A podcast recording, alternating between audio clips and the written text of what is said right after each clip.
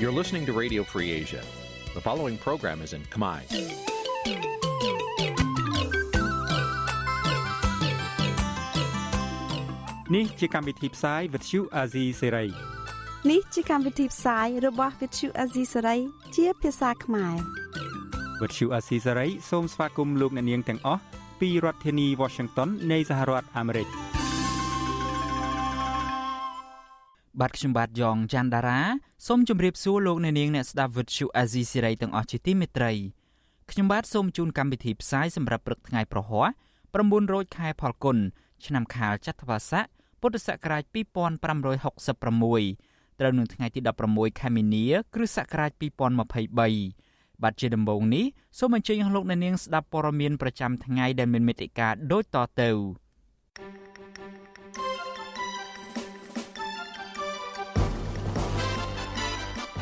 តុលាការកំពូលនឹងសម្រេចរឿងសំណើក្រៅឃុំរបស់កញ្ញាឈឹមស៊ីធនៅសប្តាហ៍ក្រោយមេធាវីលោកកឹមសុខាថាពួកគេមានសិទ្ធិជួបកូនក្តីដោយមិនចាំបាច់សុំការអនុញ្ញាតគណៈបកប្រឆាំងបន្តពង្រឹងសកម្មភាពនយោបាយជាមួយអ្នកគាំទ្រនៅប្រទេសថៃអញ្ញាធរក៏ហៅបណ្ដាញសហគមន៍ព្រៃឡង់ ទៅសួរនាំរឿងធ្វើបន់រំលឹកគុណព្រៃឡង់រួមនឹងព័ត៌មានសំខាន់សំខាន់មួយចំនួនទៀត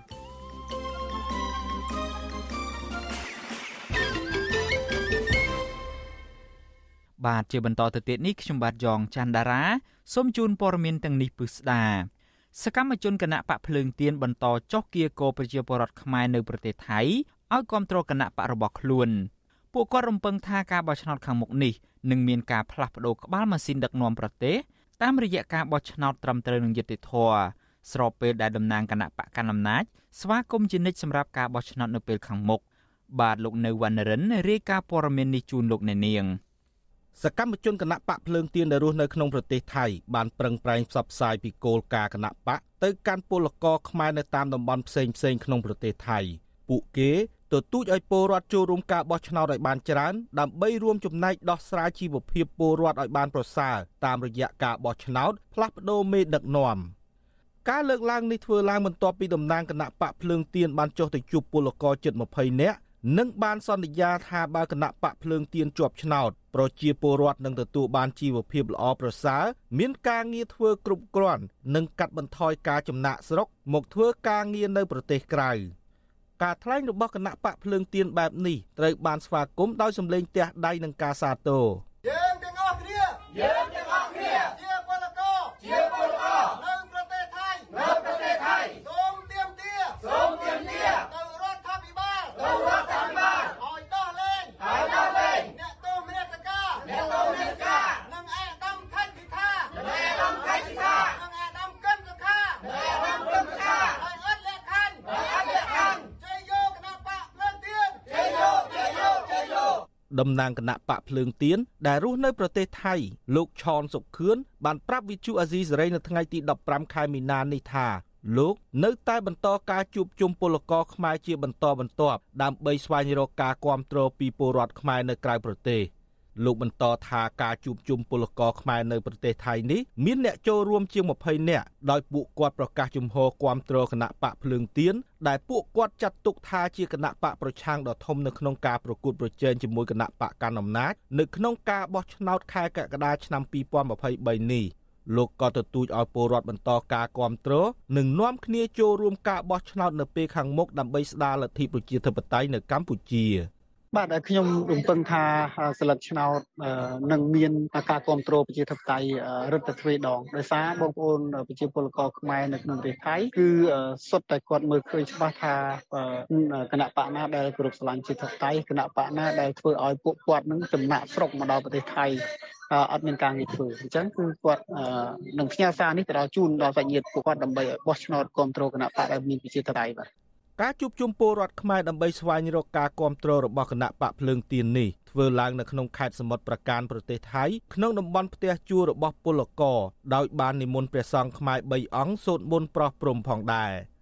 អ្វីត្បិតស្ថានភាពនយោបាយនៅកម្ពុជាហាក់ទូចចង្អៀតសម្រាប់ការចូលរួមជីវភាពនយោបាយរបស់គណៈបកប្រឆាំងក៏ប៉ុន្តែក្រមពលករខ្មែរធ្វើការនៅប្រទេសថៃនៅតែជឿជាក់ថាកម្លាំងសាមគ្គីរបស់ពលរដ្ឋនឹងអាចជួយជំរុញឲ្យលោកហ៊ុនសែនងាកមកស្ដារលទ្ធិប្រជាធិបតេយ្យនៅកម្ពុជាឡើងវិញតាមរយៈការបោះឆ្នោតដោយប្រព្រឹត្តទៅដោយសេរីត្រឹមត្រូវនិងយុត្តិធម៌ ស្រដៀងគ្នានេះដែរពលរដ្ឋម្នាក់ទៀតមកពីខេត្តបន្ទាយមានជ័យដែលចូលរួមកម្មវិធីនេះលោកមួនម៉ាវនិយាយដោយប្រុងប្រយ័ត្នថាលោកហាក់មានសង្ឃឹមតិចតួចណាស់ថាគណៈបកភ្លើងទៀននឹងទទួលបានជ័យជំនះក្នុងការបោះឆ្នោតនៅខែកក្កដាឆ្នាំ2023នេះដោយសារតែលំហសេរីភាពនយោបាយនៅកម្ពុជា មានការរឹតបន្តឹងខ្លាំងពីសំណាក់គណៈបកកណ្ដាលអំណាចមកលើគណៈបកប្រឆាំង ក៏ប៉ុន្តែលោកថាការចូលរួមគ្រប់គ្រងពីសំណាក់ពលរដ្ឋទាំងក្នុងនិងក្រៅប្រទេសជាញឹកញាប់នឹងធ្វើឲ្យមានការបោះឆ្នោតខាងមុខទទួលបានមេដឹកនាំល្អដែលអាចដឹកនាំប្រទេសឆ្ពោះទៅរកភាពរីកចម្រើន និងកាត់បន្ថយនូវភាពក្រីក្ររបស់ពលរដ្ឋ ឲ្យបងប្អូនជាតិប្រវត្តិចេះស្រឡាញ់គ្នាហើយចេះជួយគ្នាហើយអឺត្រូវសម្រេចចិត្តបដូរគណៈបកណាដែលអាចយើងជឿទឹកចិត្តទុកចិត្តបាននឹងពឹងបានទៅថ្ងៃមុខអនាគតយើងមានការងារធ្វើយើងត្រូវតែសម្រេចចិត្តខ្លួនឯងមិនពិបាកអ្នកណាមកប្រខិតប្រខំយើងទេ ជុំវិញរឿងនេះអ្នកនាំពាក្យគណៈបកប្រជាជនកម្ពុជា លោកសុកអេសានបានមើលឃើញថាការគៀងគរការគ្រប់គ្រងរបស់គណៈបកប្រឆាំងនៅក្រៅប្រទេសនេះគឺជារឿងត្រឹមត្រូវរបស់ពួកគាត់ដូចជាពលករខ្មែរនៅប្រទេសថៃឬកូរ៉េជាដើមលោកបន្តថានេះជាសិទ្ធិនយោបាយដែលមានចែងនៅក្នុងរដ្ឋធម្មនុញ្ញកម្ពុជាហើយគណៈបកប្រជាជនកម្ពុជាស្វាគមន៍គ្រប់គណៈបកនយោបាយមិនមែនតែគណៈបកភ្លើងទៀននោះទេ ក៏ប៉ុន្តែលោកថាគណៈបកនយោបាយទាំងនេះត្រូវធ្វើឡើងទៅតាមផ្លូវច្បាប់វាជាសកម្មភាពនយោបាយវាអត់មានប្រទាំងនឹងផ្លូវច្បាប់ទេអាហ្នឹងជាសិទ្ធិសេរីភាពនយោបាយរបស់កម្មជនបកនីមួយនីមួយមិនមែនចំពោះតែបកណាមួយទេអាហ្នឹងរឿងធ្វើសកម្មភាពនយោបាយឈ្មោះទៅរកការបោះឆ្នោតជារឿងធម្មតារបស់គណៈបកនីមួយនីមួយដែលចូលរួមប្រកួតប្រជែងក្នុងការបោះឆ្នោតបាទ ទោះយ៉ាងណាប្រធានមជ្ឈមណ្ឌលប្រជាពលរដ្ឋដើម្បីអភិវឌ្ឍនិងសន្តិភាពលោកយ៉ងកំឯងលើកឡើងថាការប្រឹងប្រែងធ្វើយុទ្ធនាការស្វែងរកសម្លេងគាំទ្ររបស់គណៈបកភ្លើងទៀនសាជាថ្មីនៅក្នុងប្រទេសថៃគឺជារឿងត្រឹមត្រូវនិងជាសិទ្ធិនយោបាយរបស់ពួកគាត់លោកថាអាញាធរខ្មែរគួរតែលើកទឹកចិត្តពួកគាត់ធានានៅសវត្ថិភាព និងលំហនយោបាយកុំឲ្យមានការរើសអើងនយោបាយដែលធ្វើឲ្យប៉ះពាល់ដល់ប្រព័ន្ធប្រជាធិបតេយ្យនៅកម្ពុជា។ អញ្ញាធរគឺត្រូវតែមានកាតព្វកិច្ចដែរបាទនៅក្នុងការធានានៅសុខសុវត្ថិភាពនៅក្នុងការធានាសិទ្ធិការពារសិទ្ធិរបស់ប្រជាពលរដ្ឋនៅក្នុងការចូលរួមនៅក្នុងសកម្មភាពនយោបាយផ្សេងៗណាបាទអានឹងគឺជាត្រូវតែធានាតាមកំណត់ដែលច្បាប់បានកំណត់នឹងបាទទៅដល់អញ្ញាធរឲ្យធានាឲ្យបើឲ្យកុំឲ្យមានការរឹតបន្តឹងពីការធ្វើសកម្មភាពនយោបាយរបស់គណៈបកនយោបាយដែលស្របតាមច្បាប់ប់ហ្នឹងបាទការជួបជុំរបស់សកម្មជនគណៈបកភ្លើងទៀននៅប្រទេសថៃនេះបានបន្តធ្វើឡើងចាប់តាំងពីខែធ្នូឆ្នាំ2022រហូតមកដល់ពេលបច្ចុប្បន្នបាន4លើកមកហើយដោយផ្ដោតសំខាន់ទៅលើការទៀមទាឲ្យដោះលែងអ្នកទោសនយោបាយកម្ពុជាមួយចំនួនរួមមានអនុប្រធានគណៈបកភ្លើងទៀនលោកថាច់សេដ្ឋានិងកញ្ញាសេងធីរីជាដើមក្នុងនោះដែរក៏មានការចងក្រងបណ្ដាញក្រុមអ្នកគាំទ្រគណៈបកភ្លើងទៀនផងដែរ សកម្មជនគណៈបកភ្លើងទៀនថាការជួបជុំពលករខ្មែរបានទទួលការគាំទ្រយ៉ាងច្រើនសម្រាប់ការបោះឆ្នោតនៅថ្ងៃទី23ខែកក្កដាឆ្នាំ2023នេះពលករខ្មែរភៀកច្រើនដែលរស់នៅប្រទេសថៃចង់ឃើញអ្នកនយោបាយរួបរวมគ្នាអភិវឌ្ឍជាតិឆ្ពោះទៅរកសន្តិភាពពិតប្រាកដខ្ញុំបាទនៅវណ្ណរិន With Chu Azizi Saray ពីរដ្ឋធានី Washington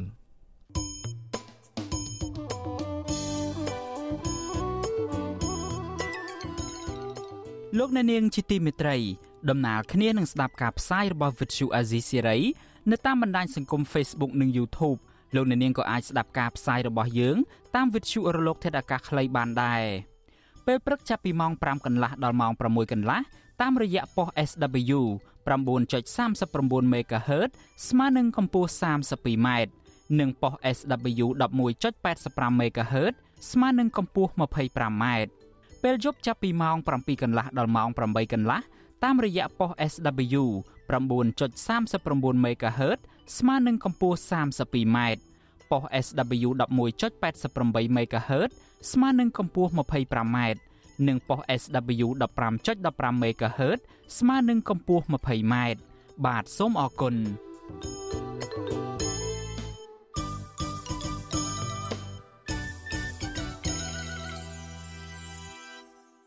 លោកនាងកំពុងស្ដាប់ការផ្សាយរបស់ Vuthu Azizi Serai ពីរដ្ឋធានី Washington នៃសហរដ្ឋអាមេរិកពាក់ព័ន្ធទៅនឹងសំណុំរឿងរបស់មេសហជីពកញ្ញាឈឹមស៊ីធវិញតុលាការកំពូលបានបើកសវនាការជំនុំជម្រះបណ្ដឹងសុំនៅក្រៅឃុំរបស់កញ្ញាឈឹមស៊ីធកាលពីថ្ងៃទី15ខែមីនាម្សិលមិញហើយក្រុងនឹងប្រកាសសាលដីកាសំណុំរឿងនេះនៅសប្តាហ៍ក្រោយក្រមសហជីពនិងអង្គការសង្គមស៊ីវិលយល់ឃើញថាតុលាការគួ រតែអនុញ្ញាតឲ្យកញ្ញាឈឹមស៊ីធនៅក្រៅឃុំបណ្ដោះអាសន្នពីព្រោះកញ្ញាមិនបានប្រព្រឹត្តអ្វីខុសច្បាប់នោះឡើយបាទសំលោកនៅនាងស្ដាប់ព័ត៌មាននេះរបស់លោកទីនហ្សាការីយ៉ាដូចតទៅតុលាការកំពូលនឹងប្រកាសសាលដីកាសុំនៅក្រៅឃុំរបស់កញ្ញាឈឹមស៊ីធនៅថ្ងៃទី24មីនាការជំនុំជម្រះក្តីនេះធ្វើឡើងតាមសំណើរបស់មេធាវីការពារក្តីដែលបានស្នើសុំឲ្យកញ្ញាឈឹមស៊ីធនៅក្រៅឃុំបណ្ដោះអាសន្ន តំណាងសហជីពប្រចាំនៅក្រុមហ៊ុនបនលបៃ Nagavel អ្នកស្រីឃ្លាំងសុបិនប្រាប់វិទ្យុអាស៊ីសេរីថានៅក្នុងបន្ទប់ជំនុំជម្រះចៅក្រមមិនបានសួរកញ្ញាឈឹមស៊ីធនោះទេប៉ុន្តែបានផ្ដល់ឱកាសឲ្យកញ្ញាឈឹមស៊ីធស្នើសុំជាលើកចុងក្រោយកញ្ញាស្នើសុំឲ្យដោះលែងនៅក្រៅឃុំបណ្ដោះអាសន្នដោយកញ្ញាប្រាប់តុលាការថាកញ្ញាមិនបានប្រព្រឹត្តខុសច្បាប់អ្វីនោះទេហើយកញ្ញាចង់មើលថែទាំម្ដាយចាស់ជរានិងខ្លួនកញ្ញាផ្ទាល់ដែលឈឺចង្កេះ ហើយនៅក្នុងពន្ធនាគារមានលក្ខណៈតូចចង្អៀតនៅស្រីឃ្លាំងសុបិនរៀបរាប់ទៀតថាតុលាការគួរតែពិចារណាលើសំណើសុំកញ្ញាឈឹមស៊ីធម្ដងទៀតពីព្រោះកញ្ញាមិនបានប្រព្រឹត្តខុសបំរាមរបស់តុលាការនោះទេខ្ញុំខ្ញុំយល់ថាអត់យុត្តិធម៌ទេព្រោះសាច់រឿងពីដើមមកគឺរឿងតែវិវាទជាមួយតកែជាមួយនឹងកម្មករទេហើយបែរជាប្តឹងរឿងញុះញង់ហើយបើយើងស្រឡឹងមើលធៀបពិតនោះគឺនីតិវិធីធ្វើកោតកម្ម ខាងខាងសហជីពខាងកម្មករគឺពួកយើងធ្វើទៅតាមនីតិវិធីច្បាប់ច្បាប់ឲ្យធ្វើមកយើងធ្វើតាមនឹងហើយរហូតដល់ពេលដែលយើងចាប់ផ្ដើមប្រើសិទ្ធិរបស់យើងបែរជាចោទយើងថាញុះញង់ហើយចាប់ពួកយើងដាក់គុកសវនាការព្រឹកនេះមានមេធាវីចំនួន3រូបបានចូលរួមស្ដាប់ដោយមានលោកសំចម្រើន និងមេធាវី2រូបទៀតមកពីអង្គការលីកាដូសហមេធាវីបានលើកឡើងថាកូនក្តីរបស់ពួកគេមានចំនួន9នាក់មិនបានទទួលបម្រាមតុលាការនោះទេ ហើយការចាប់ខ្លួនកញ្ញាឈឹមស៊ីធជាលើកទី2នេះដោយសំអាងថាមិនបានគោរពបំរាមតុលាការគឺមិនសមហេតុផលនោះឡើយអ្វីត្បិតតែតុលាការមិនទាន់ប្រកាសសេចក្តីសម្រេចសំនៅក្រៅឃុំរបស់កញ្ញាឈឹមស៊ីធយ៉ាងណាក៏ដោយក៏ក្រុមកោតក្រ Nagawal ជាង40នាក់និងអង្គការសង្គមស៊ីវិលមួយចំនួនតាមក្លំមើលពីខាងក្រៅនិងស្រែកផ្ដាល់កម្លាំងចិត្តឲ្យកញ្ញាឈឹមស៊ីធថាពួកគេនៅតែរងចាំកញ្ញាឈឹមស៊ីធមកវិញគណៈកងកម្លាំងសមត្ថកិច្ចប្រមាណជា30នាក់ ក៏បានដាក់ពង្រាយនៅជំវិញតុលាការដែរនោះជំវិញនឹងរឿងនេះអ្នករំពាកសមាគមអាត់ហុកលោកសឹងសានករណាមានប្រសាសន៍ថាកញ្ញាឈឹមស៊ីធមិនបានប្រព្រឹត្តខុសច្បាប់នោះទេបើមើលតាមនីតិវិធីច្បាប់ដោយសារតែតុលាការមិនបានផ្ដល់ដំណឹងឲ្យកញ្ញាឈឹមស៊ីធបានដឹងជាមុនលោកបន្តថាតុលាការគួរតែទម្លាក់បទចោទលើកញ្ញាឈឹមស៊ីធដោយសារតែកន្លងមក កម្ពុជាក៏រងការរិះគន់ពីបណ្ដាប្រទេសលោកសេរីពាក់ព័ន្ធនឹងការមិនគោរពតាមលទ្ធិប្រជាធិបតេយ្យនិងច្បាប់ព្រមត្រូវនេះដែរ។ ក្នុងករណីសកម្មជន សង្គមសកម្មជនសហជីពឬក៏សកម្មជននយោបាយក្តីយើងក៏សម្គាល់ថាបើស្ថានភាពនយោបាយនៅក្នុងប្រទេសយើង នៅតែមិនទាន់មានភាពល្អប្រសើរបែបនេះយើងពិបាកនឹងសង្ឃឹមថាពួកគេមានសេរីភាពណាស់ហើយករណីទាំងអស់នេះអាចនឹងបន្តធ្វើការចោតប្រកាន់ការចាប់ខ្លួនឬក៏ឃុំខ្លួននេះនឹងអាចកើតឡើងបន្តទៀតតែទន្ទឹមនឹងនេះយើងអត់ចង់ឃើញរូបភាពបែបនេះកើតឡើងទេ សមត្ថកិច្ចបញ្ចាប់ខ្លួនកញ្ញាឈឹមស៊ីធជាលើកទី2កាលពីខែវិច្ឆិកាឆ្នាំ2022ហើយបញ្ជូនទៅពន្ធនាគារប្រៃសណវិញក្រោយពីកញ្ញាបានវិលពីការចូលរួមកិច្ចប្រជុំនៅប្រទេសអូស្ត្រាលីក្រោមបទចោទថាល្មើសបំរាមរបស់តុលាការដែលហាមចេញទៅក្រៅប្រទេសទោះបីជាយ៉ាងណាការចាប់ខ្លួនកញ្ញាឈឹមស៊ីធជាលើកទី2នេះត្រូវបានគេមើលឃើញថាដោយសារតែកញ្ញាឈឹមស៊ីធនៅតែចូលរួមទាមទារឲ្យតការក្រុមហ៊ុន Nagavel ដោះស្រាយវិវាទការងារឲ្យបានឆាប់រហ័ស ទន្ទឹមនឹងនេះក្រុមកោតក្រ Nagavel ដែលតាមឃ្លាំមើលសវនាការនេះក៏បាននាំគ្នាឆ្លើយទាមទារឲ្យតុលាការដោះលែងប្រធានសហជីពរបស់ខ្លួនគឺកញ្ញាឈឹមស៊ីធវិញនិងស្នើឲ្យលោកហ៊ុនសែនជួយអន្តរាគមន៍បញ្ចប់វិវាទការងារនៅក្រុមហ៊ុន Nagavel នេះអង្គការឃ្លាំមើលសិទ្ធិមនុស្សអន្តរជាតិ Human Rights Watch កាលពីថ្ងៃទី14មីនាក៏អំពាវនាវដល់អាជ្ញាធរកម្ពុជាឲ្យដោះលែងប្រធានសហជីពគឺកញ្ញាឈឹមស៊ីធដែរនិងទម្លាក់ចោលបទចោទទាំងអស់ មកលើសមាជិកសហជីព Naga 8នាក់ផ្សេងទៀតអង្គការសិទ្ធិមនុស្សអន្តរជាតិ Human Rights Watch ក៏បានជំរុញរដ្ឋាភិបាលលោកហ៊ុនសែនបញ្ឈប់អេរយាប័តវាប្រហារកាន់តែខ្លាំងឡើងខ្លាំងឡើងទៅលើសហជីពប្រព័ន្ធផ្សព្វផ្សាយឯករាជ្យគណៈបកប្រឆាំងនិងក្រុមអ្នកការពារសិទ្ធិមនុស្សគណៈការបោះឆ្នោតជាតិកាន់តែខិតជិតមកដល់នេះទន្ទឹមនឹងនេះអង្គការនេះក៏អំពាវនាវដល់សហភាពអឺរ៉ុបអាមេរិកចក្រភពអង់គ្លេសនិងដៃគូពាណិជ្ជកម្មជាមួយកម្ពុជាផ្សេងទៀតឲ្យបញ្ជាក់ចំហច្បាស់លាស់ថាការបន្តគៀបសង្កត់បែបនេះ នឹងប៉ះពាល់ដល់ចំណងទំនាក់ទំនងជាមួយក្រុមប្រទេសទាំងនេះកន្លងមកក្រុមកោតក្របានដាក់ញត្តិស្វែងរកកិច្ចអន្តរាគមន៍ពីលោកហ៊ុនសែនពីរដ្ឋសភាក្រសួងមហាផ្ទៃដែរប៉ុន្តែពុំមានការឆ្លើយតបជាវិជ្ជមានណាមួយនៅឡើយទេលើសពីនេះសាលារដ្ឋាភិបាលភ្នំពេញតំណាងរាស្ត្រគណៈបកកណ្ដាលអំណាចលោកសោចម្រុង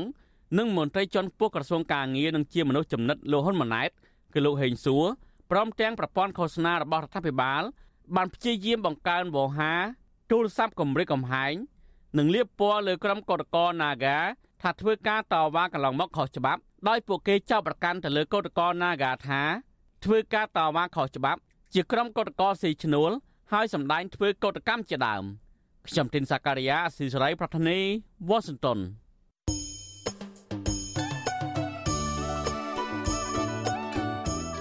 លោកអ្នកនាងជាទីមេត្រីក្រៅពីការតាមដានកម្មវិធីផ្សាយរបស់ Vuthu Azizi Serai នៅតាមបណ្ដាញសង្គម Facebook YouTube និង Telegram លោកអ្នកនាងក៏អាចតាមដានកម្មវិធីផ្សាយរបស់យើង នៅតាមរយៈបណ្ដាញ Instagram បានដែរតាមរយៈតំណ link ដែលមានអាសយដ្ឋាន www.instagram.com/rfa ខ្មែរអាស៊ីសេរីបន្តខិតខំផ្សព្វផ្សាយព័ត៌មានពិតទៅកាន់បងប្អូនតាមរយៈបណ្ដាញសង្គមផ្សេងផ្សេងនិងសម្បូរបែបដើម្បីឲ្យលោកអ្នកនាងងាយស្រួលតាមដានកម្មវិធីផ្សាយរបស់អាស៊ីសេរីគ្រប់ពេលវេលា និងគ្រប់ទីកន្លែង តាមរយៈទូរស័ព្ទរបស់លោកអ្នកនាង បាទសូមអរគុណ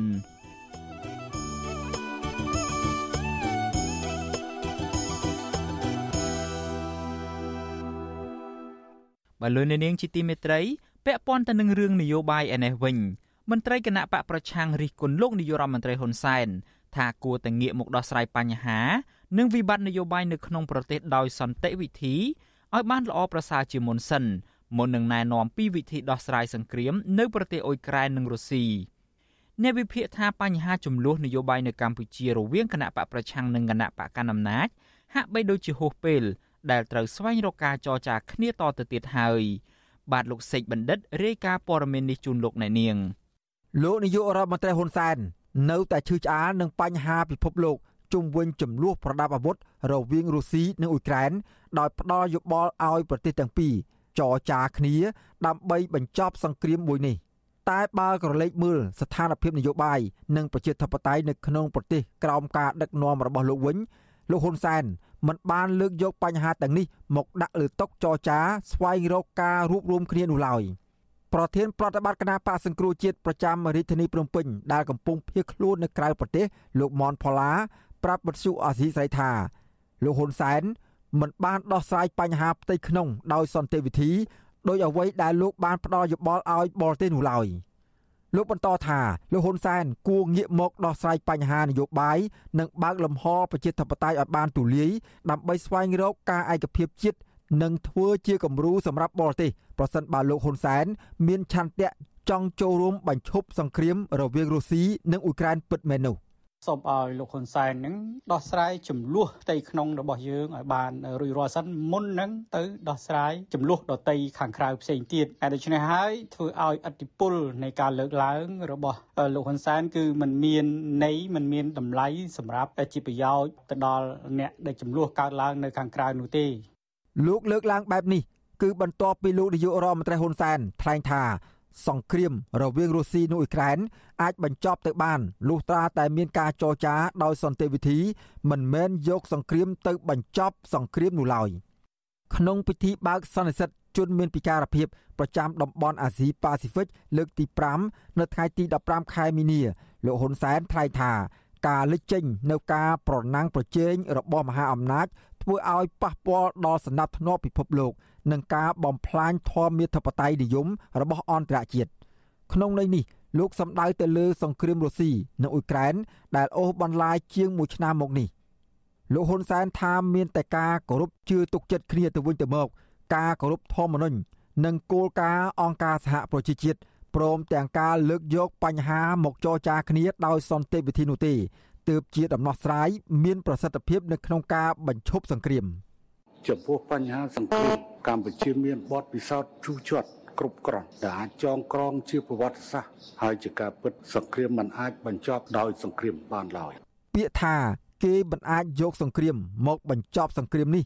បានក្លាយជាមេសោតដ៏ពេញនិយមរបស់លោកហ៊ុនសែនដែលលោកបានទន្ទិញចាំមាត់តាំងពីមានការផ្ទុះសង្គ្រាមរវាងរុស្ស៊ីនិងអ៊ុយក្រែនកាលពីដើមឆ្នាំ2022មកម្លេះ។ លោកហ៊ុនសែនតែងតែប្រៀបធៀបសង្គ្រាមរវាងរុស្ស៊ីនិងអ៊ុយក្រែនទៅនឹងសង្គ្រាមនៅកម្ពុជា ដែលបានអូសបន្លាយតាំងពីសម័យខ្មែរក្រហមមក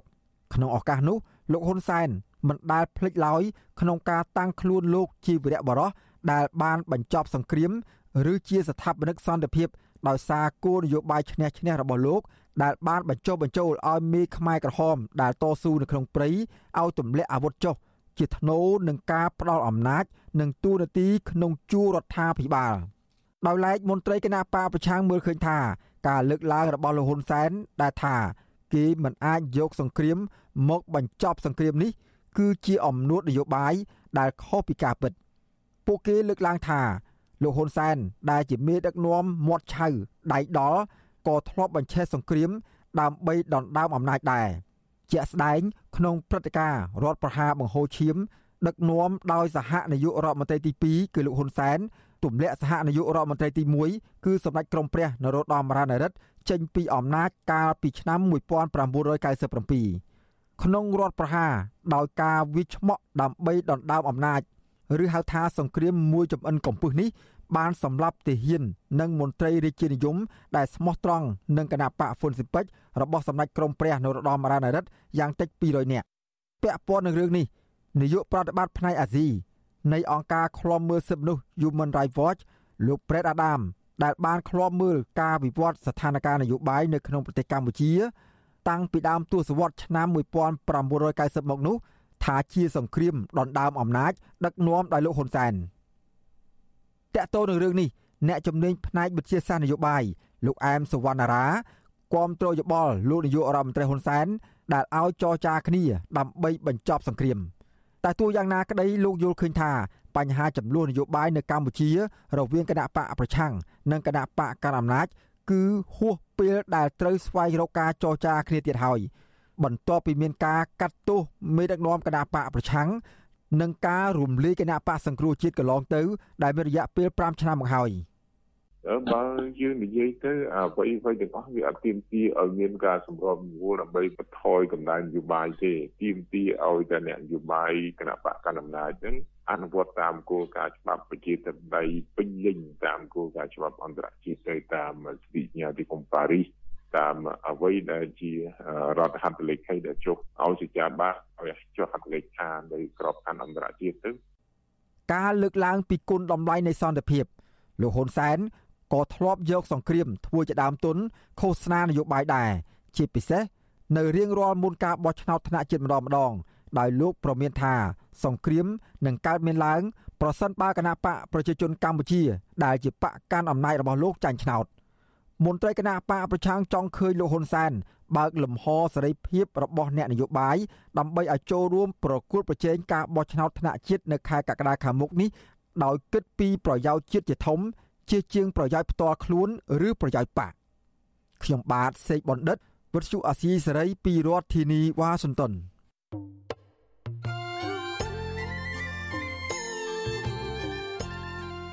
លោកអ្នកនាងជាទីមេត្រី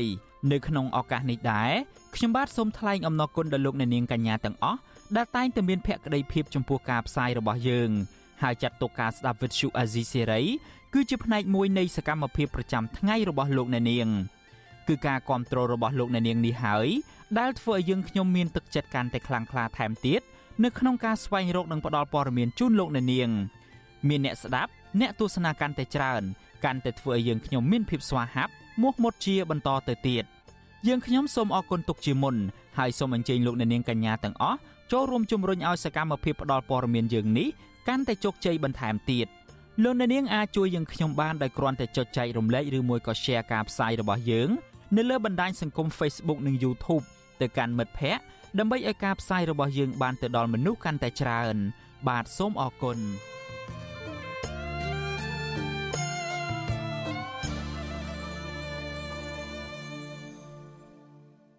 បាទលោកអ្នកនាងជាទីមេត្រីពាក់ព័ន្ធទៅនឹងរឿងក្តីក្តាំប្រឆាំងទៅនឹងលោកកឹមសុខាឯនេះវិញតំណាងក្រសួងយុតិធធបានប្រាប់ទៅក្រមមេធាវីការពារក្តីរបស់លោកកឹមសុខាថាបើចង់ជួបកូនក្តីពួកគេគួរតែទៅសុំការអនុញ្ញាតពីព្រះរាជអាជ្ញាជាមុនសិនក៏ប៉ុន្តែមន្ត្រីសិទ្ធិមនុស្សរីកុនថាអ្វីដែលតំណាងក្រសួងយុតិធធលើកឡើងនេះគឺមិនត្រឹមត្រូវតាមច្បាប់នោះទេពីព្រោះមេធាវីមានសិទ្ធិគ្រប់គ្រាន់ក្នុងការចូលជួបកូនក្តីរបស់ខ្លួន បាទសំលោកនៅនាងស្ដាប់សេចក្តីរាយការណ៍ពឹស្ដាមួយទៀតរបស់លោកទីនហ្សាការីយ៉ាអំពីរឿងនេះដូចតទៅអ្នកនាំពាក្យក្រសួងយុទ្ធភ័ពក៏បន្តតាមសមត្ថកិច្ចដែរថាបើសហមេធាវីលោកកម្មសខាចង់ជួបកូនក្តីនោះគឺត្រូវតែសុំការអនុញ្ញាតពីព្រះរាជអាជ្ញាជាមុនសិនប៉ុន្តែអ្នកអនុវត្តច្បាប់រូបនេះមិនបានលើកពីច្បាប់ណាមួយមកអំណះអំណាងនោះឡើយការបកស្រាយដោយមតតេរបស់រដ្ឋលេខាធិការនិងជាអ្នកនាំពាក្យក្រសួងយុទ្ធភ័ពលោកចិនម៉ាលីននៅពេលនេះ ក្រោយពេលសមត្ថកិច្ចនៃរដ្ឋាភិបាលលោកហ៊ុនសែនដែលដាក់ឃ្លាំមើលជុំវិញផ្ទះលោកកម្មសខា បានរារាំងមិនអោយសហមេធាវីការពារក្តីលោកកម្មសខា ចូលជួបកូនក្តីបានឡើយលោកចិនម៉ាលីនបានសរសេរនៅលើទំព័រ Facebook របស់លោកនៅថ្ងៃទី15មីនាថាបើគ្រាន់តែសុំការអនុញ្ញាតពីព្រះអាជ្ញាបន្តិចទៅដូចជាមិនទាស់ខុសអ្វីនោះទេព្រោះវាជាលក្ខខណ្ឌកំណត់នៅក្នុងសាលក្រមតុលាការលោកបន្តទៀតថា ប្រសិនបើព្រះរាជអាជ្ញាមិនអនុញ្ញាតទើបជាការរំលោភបំពានសិទ្ធិមេធាវីក្នុងការជួបកូនក្តីលោកជិនម៉ាលីនថាសំបីតែចូលជួបកូនក្តីនៅក្នុងពុទ្ធនេគារក៏ត្រូវសុំការអនុញ្ញាតពីអ្នកគ្រប់គ្រងពុទ្ធនេគារដែរអ្នកនាំពាក្យក្រសួងយុទ្ធភ័ពរូបនេះអះអាងទៀតថាបើសិនជាសហមេធាវីលោកកម្មសខា មានចេតនាចង់ជួបជាមួយកូនក្តីពិតប្រាកដមែននោះគ្រាន់តែស្នើសុំព្រះអាជ្ញាដូចជាមិនអីទេលើកលែងតែមានចេតនាអ្វីផ្សេង តែតើនឹងការលើកឡើងនៃវិទ្យុអសិរ័យមិនអាចសុំការឆ្លើយតបពីសហមេធាវីលោកកម្មសខាបានទេនៅថ្ងៃទី15មិនិនាទោះជាយ៉ាងណាសហមេធាវីមួយរូបក្នុងចំណោមមេធាវី4រូបការពារក្តីឲ្យលោកកម្មសខាគឺលោកមេធាវីអាងឧត្តមឲ្យវិទ្យុអាស៊ីសេរីដឹងកាលពីថ្ងៃទី14មីនាថាសហមេធាវីនឹងមិនសុំការអនុញ្ញាតពីព្រះអាជ្ញានោះឡើយពីព្រោះថាមេធាវីមានសិទ្ធិជួបកូនក្តីរបស់ខ្លួនដោយមិនចាំបាច់សុំការអនុញ្ញាតពីព្រះអាជ្ញានោះទេ សិទ្ធិកតាបកិច្ចនឹងនោះទៅរបស់យើងនៅតែមានដដែលអត់តន់ណាមកលុបទេទោះមានសារក្រមចេញមកហើយក៏ដោយនៅនឹងជាប់នៅក្នុងសំណុំរឿងនឹងឯណាឡាការបានទទួលស្គាល់យើងបានធ្វើកិច្ចការនឹងរាប់ឆ្នាំហើយហេតុអីពេលនេះគេអត់ឲ្យយើងធ្វើកិច្ចការយើងតទៅទៀតគេអាងអីក៏ដឹងគេថាមេគេប្រកបមកអញ្ចឹងខ្ញុំអត់ដឹងដែរ ខ្ញុំអត់យល់ដែរណាអញ្ចឹងហើយគេសុំឲ្យឲ្យខ្ញុំសុំទៅស្ថាប័នអាយកាស្ថាប័នអាយកាមិនគ្រប់គ្រងមេធាវីទេស្ថាប័នអាយកាជាគូភាគីរបស់យើងតើក្នុងរឿងក្តីហើយមកគាត់បញ្ជាលើយើងលោកខ្ញុំអាចចេះក្រមឬចេះច្បាប់មិនដល់កំណត់អីខ្ញុំមិនដឹងតែអ្នកគ្រប់គ្រងមើលក្រមនីតិវិធីមើលច្បាប់អីហ្នឹងទៅហើយមើលច្បាប់នៃគណៈមេធាវីទៅមានអីខ្ញុំទៅសុំការអនុញ្ញាតពីស្ថាប័នដែលមិនមាន សិទ្ធិអំណាចគ្រប់គ្រងលើមេធាវីសហមេធាវីក៏បានចេញសេចក្តីថ្លែងការណ៍ភ្លាមភ្លាមកាលពីយប់ថ្ងៃទី14មីនាក្រោយពីទៅជួបកូនក្តីមិនបានសម្រេចដោយសារតែសមត្ថកិច្ចរដ្ឋាភិបាលបានរារាំងសេចក្តីថ្លែងការណ៍នោះបានលើកឡើងថាការរារាំងមិនឲ្យជួបកូនក្តីនេះគឺជាការរំលោភសិទ្ធិទទួលបានជំនួយពីមេធាវីរបស់លោកកម្មសុខាសហមេធាវីបានរៀបរាប់នៅក្នុងសេចក្តីថ្លែងការណ៍នោះថាពួកគេបានទៅផ្ទះលោកកម្មសុខា ជាកន្លែងឃុំខ្លួនកូនក្តីដើម្បីពិគ្រោះយោបល់ច្បាប់ និងរៀបចំដាក់ពាក្យប្តឹងអធរចំទាស់សារក្រមសាលាដំបងរាជធានីភ្នំពេញប៉ុន្តែត្រូវបានកងកម្លាំងស្លៀកពាក់ស៊ីវិលដែលយាមនៅមុខផ្ទះលោកកម្មសុខារារាំងនិងណែនាំឲ្យសហមេធាវីត្រូវសុំការអនុញ្ញាតពីព្រះអាជ្ញាជាមុនសិនសហមេធាវីលកម្មសខាចាត់ទុកវិធានការរបស់សមាជិកបែបនេះផ្ទុយនឹងច្បាប់ និងវិធានចធរមានដែលគ្រប់គ្រងវិជាជីវៈមេធាវីសហមេធាវីលើកឡើងទៀតថាចាប់ពីពេលនេះតទៅ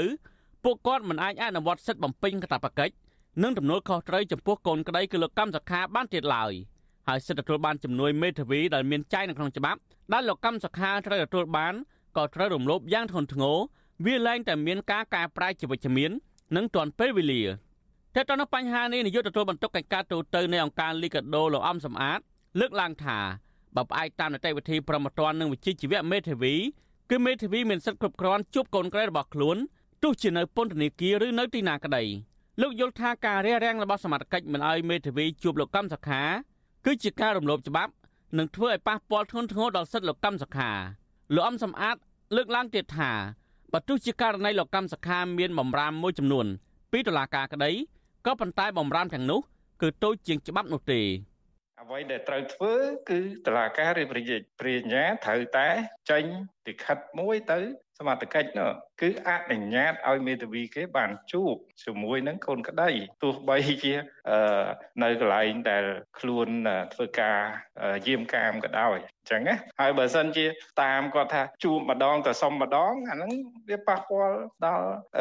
ដំណើរការនីតិរបស់គេវាប៉ះពាល់ទៅដល់សិទ្ធិរបស់មេធាវីក្នុងការជួបកូនក្តីរបស់គេណាណាតើតើនឹងការអនុវត្តការងាររបស់សមត្ថកិច្ចនៅពេលនេះ វិទ្យុអសិរ័យមិនអាចសុំការបកស្រាយពីអ្នកនាំពាក្យប៉ូលីសក្រុងភ្នំពេញលោកសានសុកសីហាអ្នកនាំពាក្យអគ្គស្នងការដ្ឋាននគរបាលជាតិលោកឆៃកំខឿននិងអ្នកនាំពាក្យក្រសួងមហាផ្ទៃលោកខៀវសុភ័ក្រដើម្បីសំសួរអំពីបញ្ហានេះបន្ថែមបានទេនៅថ្ងៃទី15មីនាគិតមកទល់ពេលនេះប្រធានគណៈបកសង្គ្រោះជាតិលោកកម្មសខានៅសល់ពេលតារយៈពេល2សប្តាហ៍ទៀតទេដើម្បីប្តឹងអធរប្រឆាំងនឹងសារក្រមរបស់តុលាការក្រុងភ្នំពេញដែលផ្ដន្ទាទោសលោក27ឆ្នាំសារក្រមផ្ដន្ទាទោសលោកកម្មសខាកាលពីថ្ងៃទី3មីនា គឺតុលាការក៏ដកសិទ្ធិនយោបាយនិងហាមលោកកម្មសខាជួបឬមានតំណែងតំណងដោយផ្ទាល់ឬដោយប្រយោលតាមប្រព័ន្ធតំណែងតំណងជាមួយជនណាមួយក្រៅពីសាច់ញាតិនោះឡើយតឡាការទុករយៈពេល1ខែឲ្យលោកកម្មសខាប្តឹងសារទុកទៅតឡាការជាន់ខ្ពស់ប៉ុន្តែពេលនេះសមត្ថកិច្ចបែកជារារាំងមេធាវីមិនឲ្យជួបលោកកម្មសខាទៅវិញចំណែកកូនស្រីច្បងលោកកម្មសខាគឺកញ្ញាកឹមមនោវិជ្ជាដែលកំពុងរស់នៅក្រៅប្រទេសលើកឡើងតាមទំព័រ Facebook របស់កញ្ញាថា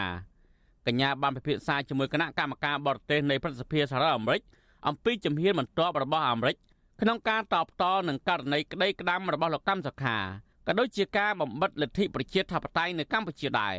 នៅវិភាននយោបាយលោកកឹមសុខយល់ថាចាប់តាំងពីថ្ងៃចាប់ខ្លួនថ្ងៃផ្ដន្ទាទោសនឹងការខំខ្លួនលោកកម្មសខានោះគឺជាចរិតនយោបាយ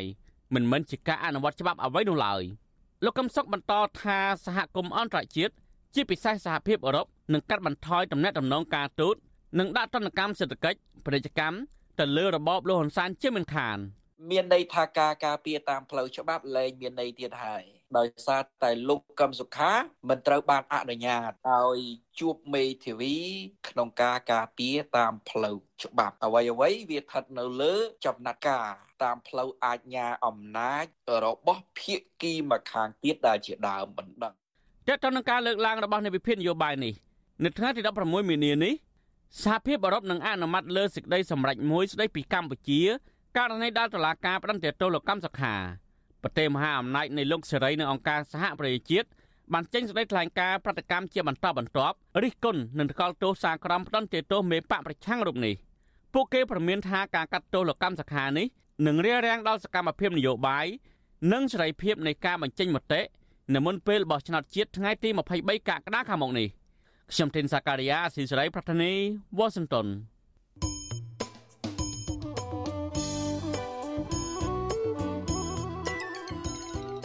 លោកអ្នកនាងជាទីមេត្រីដំណើរគ្នានឹងស្ដាប់ការផ្សាយរបស់ Vuthu Azizi Siri នៅតាមបណ្ដាញសង្គម Facebook និង YouTube លោកអ្នកនាងក៏អាចស្ដាប់ការផ្សាយរបស់យើង តាម Vuthu រលក ធាតុអាកាសខ្លីបានដែរពេលព្រឹកចាប់ពីម៉ោង5កន្លះដល់ម៉ោង6កន្លះតាមរយៈប៉ុស SW 9.39 MHz ស្មើនឹងកម្ពស់ 32m និងប៉ុស SW 11.85 MHz ស្មើនឹងកម្ពស់ 25m ពេលយប់ចាប់ពីម៉ោង7កន្លះដល់ម៉ោង8កន្លះតាមរយៈប៉ុស SW 9.39 MHz ស្មើនឹងកម្ពស់ 32m ប៉ុស SW 11.88 MHz ស្មើនឹងកម្ពស់ 25m និងប៉ុស SW 15.15 MHz ស្មើនឹងកម្ពស់ 20m បាទសូមអរគុណ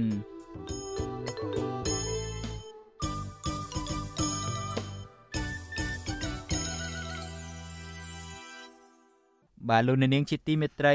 យើងងាកមកចាប់អារម្មណ៍បញ្ហាពាក់ព័ន្ធទៅនឹងរឿងធនធានធម្មជាតិឯនេះវិញសកម្មភាពឈូសឆាយព្រៃឲ្យคล้ายទៅជាវាលធំល្វឹងល្វើយ នឹងការប្រើគ្រឿងចាក់កាយផ្នែកខ្លះនៃឧទ្យានជាតិព្រះមនីវងបូកគោដើម្បីយកអាចដីលុបសមុទ្រក្រោមទម្រង់ជាការអភិវឌ្ឍនោះបានคล้ายជាក្តីកង្វល់រួមរបស់ប្រជាពលរដ្ឋនៅក្នុងខេត្តកំពតប្រជាពលរដ្ឋបារម្ភថាតំបន់ឧទ្យានជាតិព្រះមនីវងបូកគោអាចនឹងបាត់បង់នៅថ្ងៃខាងមុខដោយជំនួសមកវិញនៅអាគារវីឡាខុនដូនិងកន្លែងកំសាន្តបែបអភិជនគ្រប់គ្រងដោយក្រុមអ្នកមានលុយមានអំណាច ប្រជាពលរដ្ឋនិងមន្ត្រីអង្គការសង្គមស៊ីវិលសោកស្ដាយ ដែលឧទ្យានជាតិព្រះមនីវងបូកូដែលសម្បូរទៅដោយធនធានធម្មជាតិរុក្ខជាតិកម្រនិងជាជំរកសត្វព្រៃព្រមទាំងជាតំបន់រមណីយដ្ឋានប្រវត្តិសាស្ត្រមរតកដូនតាផងនោះបន្តទទួលរងការឈូសឆាយដើម្បីសាងសង់សំណង់រឹងអាគារនិងកន្លែងកំសាន្តប្រជាពលរដ្ឋរស់នៅស្រុកទឹកឈូខេត្តកំពត លោកឡាវឈៀនប្រាប់វិទ្យុអាស៊ីសេរីនៅថ្ងៃទី15ខែមីនាថាសកម្មភាពឈូសឆាយព្រៃនៅតែបន្តធ្វើឲ្យព្រៃដុះនៅលើខ្នងភ្នំ បានคล้ายជាវាលដ៏ធំល្វឹងល្វើយជាច្រើនកន្លែងលោកឲ្យដឹងទៀតថាសកម្មភាពគ្រឿងចាក់កាយជើងភ្នំបូកគោដើម្បីយកអាចដីលុបសមុទ្រស្ថិតនៅក្នុងស្រុកទឹកឈូខេត្តកំពតនៅតែបន្តកើតមានជាង5ឆ្នាំមកហើយលោកបញ្ជាក់ថាទីតាំងដែលអាជ្ញាធរឈូសឆាយព្រៃនោះគឺជាជំរកសត្វព្រៃនិងមានដុះរុក្ខជាតិកម្រជាច្រើនប្រភេទហើយបច្ចុប្បន្ននេះជំនួសមកវិញនៅសំណង់អាគារដែលគ្រប់គ្រងជាកម្មសិទ្ធិបុគ្គល គេកាយខ្ញុំធ្វើផ្ទះធ្វើអីផ្ទះវិឡាយធំធំអស់ហើយនៅកន្លែងត្រាំងពីព្រៃឈើហ្នឹងក៏អស់កាយវាលខ្ទេចខ្ទីអស់ហ្នឹងអូនមានអីត្រូវយើងសោតទេដឹកដីពីភ្នំហ្នឹងយកទៅចាក់សមុទ្រទៀតអារឿងពីមុនយើងផលផលហ្នឹងទៅបេះនៅភ្នំដូចជាប្រាងដូចស្វាយអកោដូចជាគុយអីវាយកមកបេះយកមកលក់ផងហូបចាយចាយនេះហូបផងឥឡូវមានអីទៀតអស់លីងវាក្លឹងអស់ហើយបរិះវ័យ74ឆ្នាំរូបនេះចាត់ទុកការអភិវឌ្ឍដ៏ធំសម្បើមនេះ គឺជាការច្បាមយកសម្បត្តិជាតិគេមរតកដូនតា យកមកពុះចែកគ្នា ដោយមិនក្រែងចិត្តប្រជាពលរដ្ឋកាលពីឆ្នាំ2007រដ្ឋាភិបាលលោកហ៊ុនសែនបានកាត់ជ្រឿលតំបន់អភិរក្សនេះទំហំជិត20000ហិកតាដើម្បីវិនិយោគទៅឲ្យក្រុមហ៊ុនសុខាអូតែលរបស់អង្គការសុកគង្គក្នុងរយៈពេល99ឆ្នាំ ក្នុងទឹកប្រាក់1000លានដុល្លារអាមេរិកលោកឡាវឈៀនថ្លែងទៀតថាមកទល់ពេលនេះអាជ្ញាធរនៅតែមិនទាន់ផ្ដល់ព័ត៌មានជាក់លាក់ ស្ដីពីការបែងចែកឲ្យច្បាស់លាស់ថាតើតំបន់ណាដែលត្រូវអភិវឌ្ឍនិងតំបន់ណាដែលត្រូវអភិរក្សធនធានធម្មជាតិនៅឡើយទេលោកថាអ្នកភូមិភាគច្រើនមិនហ៊ានរិះគន់អំពីបញ្ហានេះជាសាធារណៈនោះទេខ្លាចក្រែងអាជ្ញាធរធ្វើបាប និងចោទពួកគាត់ថាជាក្រុមគណៈបកប្រឆាំង ថ្ងៃអនាគតយើងមានរឿងអីទៅនៅសង្គមជាតិរឿងថាមានទីធ្វើផ្ទះទៅវាឡាយអស់យើងមានរឿងទៅសង្គមជាតិនៃការដឹកដីចាក់សមុទ្រនៅហោហែយើងអាណាយើងចេញមុខទៅតតាំងជាមួយគេនាំឲ្យមានគ្រោះថ្នាក់បញ្ហាខ្លួនឯងហ្នឹងអាចទៅយកឃើញបោះជាបរដ្ឋហ្នឹងវាមានការពេញចិត្តច្រើនណាស់អូនអើយព្រោះសម្បត្តិរបស់ជាតិប្រហែលគឺគឺអោរំលាយអស់ហើយព្រៃឈើភ្នំអីគេរំលាយធ្វើជាផ្ទះមូលដ្ឋានអីអស់ហើយអូនអើយវិទ្យុអាស៊ីសេរីមិនអាចតាក់ទងសុំការបំភ្លឺរឿងនេះ ពីអភិបាលខេត្តកំពតលោកម៉ៅធននិនបាននៅឡើយទេ នៅថ្ងៃទី15ខែមីនាចំណែកប្រធានអង្គភិបអ្នកនាំពាក្យរដ្ឋាភិបាលលោកផៃស៊ីផាននិងអ្នកនាំពាក្យក្រសួងបរិស្ថានលោកណេតភក្ត្រាវិទ្យុអាស៊ីសេរីក៏មិនទាន់អាចតាក់ទងបានដែរនៅថ្ងៃដដែលនេះកន្លងទៅក្រសួងបរិស្ថានបានបញ្ជាក់ថាក្រសួងបានបញ្ជូនមន្ត្រីឧទ្យានុរក្សចំនួន40នាក់ដើម្បីឈរជើងការពារឧទ្យានជាតិមួយនេះនិងបានបោះបង្គោលតូចធំចំនួន66ដើម ដើម្បីកំណត់ព្រំប្រទល់សម្គាល់ទីតាំងអភិរក្សនិងតំបន់ការពារធម្មជាតិរដ្ឋលេខាធិការនឹងជាអ្នកនាំពាក្យក្រសួងបរិស្ថានលោកណេតភក្ត្រាធ្លាប់លើកឡើងថាការអនុវត្តគម្រោងវិនិយោគរបស់ក្រុមហ៊ុនស្ថិតនៅក្នុងរង្វង់កំណត់មុននឹងធ្វើការអភិវឌ្ឍការឈូសឆាយក្រុមហ៊ុនបានសហការជាមួយក្រសួងបរិស្ថាន និងអាជ្ញាធរដែនដីដើម្បីពិនិត្យសិក្សាពីផលប៉ះពាល់នានាកាលពីចុងខែមិថុនាឆ្នាំ2019លោកនាយរដ្ឋមន្ត្រីហ៊ុនសែន បានចេញអនុក្រឹត្យកំណត់ផ្នែកខ្លះនៃតំបន់ភ្នំបូកគោជាទីក្រុងឆ្លាតវៃតំបន់ទេសចរប្រវត្តិសាស្ត្រនិងតំបន់ពាណិជ្ជកម្មធុរកិច្ចនិងលំនៅឋានជាដើមទោះជាយ៉ាងណាមន្ត្រីសម្របសម្រួលសមាគមការពារសិទ្ធិមនុស្សអាត6ខេត្តកំពតលោកយុនផល្លីថ្លែងថាអាញាធរគួរតែផ្សព្វផ្សាយឲ្យបានទូលំទូលាយដើម្បីឲ្យប្រជាពលរដ្ឋយល់ដឹង និងចូលរួមសម្រេចចិត្តពីគម្រោងអភិវឌ្ឍន៍នេះជៀសវាងការលាក់បាំងព័ត៌មាន ដែលធ្វើឲ្យពួកគាត់សង្ស័យពីភាពមិនប្រក្រតីនានាក្រោយពីការបាត់បង់ធនធានធម្មជាតិដ៏ធំធេងវាមិនសូវជាមានការផ្សព្វផ្សាយទលំទលាយប្រមាណដែរទេនៅតាមដែលយើងក្តាប់ពីប្រជាប្រដ្ឋអនុផលព្រៃឈើវាអាចប្រជាប្រដ្ឋនឹងលោកនៅតំបន់ហ្នឹងលោកកាលប្រជាប្រដ្ឋមួយចំនួនលោកបានអនុផលពីព្រៃឈើនៅតំបន់ជើងភ្នំឈៀននឹងដែរជំរកសត្វព្រៃសត្វអីហ្នឹងបានន័យថាវាវាអាចមានការបេះបើសិនជាយើងកាយទៅអស់ព្រៃអស់អីនៅតំបន់ជើងភ្នំនោះណា ឧទ្យានជាតិព្រះមនីវងបូកគោមានផ្ទៃដីសរុបចំនួនជាង150,000ហិកតា ក្នុងនោះទំហំដីដែលអាចអភិវឌ្ឍបានមានចំនួនជាង27,000ហិកតា និងប្រភេទដីនៅក្នុងកម្រិតការសាងសង់មានចំនួនជាង120,000ហិកតា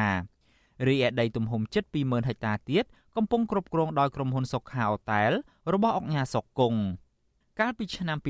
2020ប្រព័ន្ធផ្សព្វផ្សាយអន្តរជាតិឈ្មោះ Mongabe បានរាយការណ៍ថា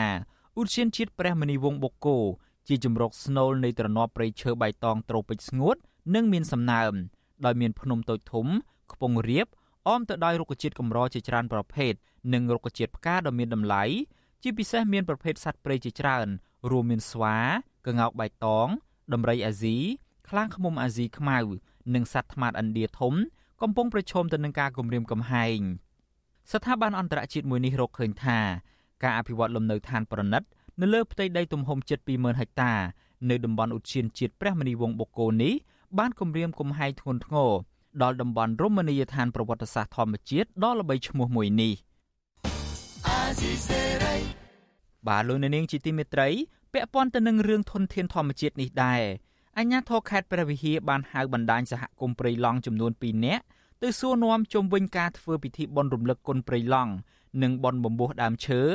និងបានថតបញ្ជីឈ្មោះប្រជាពលរដ្ឋដែលចូលរួមនៅក្នុងពិធីនេះប្រជាសហគមន៍ឲ្យដឹងថាទង្វើបែបនេះរបស់អាជ្ញាធរបានធ្វើឲ្យប្រជាពលរដ្ឋមានការភ័យខ្លាចពួកគេថាអាជ្ញាធរគួរតែលើកទឹកចិត្តដល់ប្រជាពលរដ្ឋដែលបានចូលរួមការពារព្រៃឈើទៅជារឿងត្រឹមត្រូវបាទលោកអ្នកនាងនឹងបានស្ដាប់សេចក្តីរាយការណ៍នេះពឹស្ដានៅពេលបន្តិចទៀតនេះ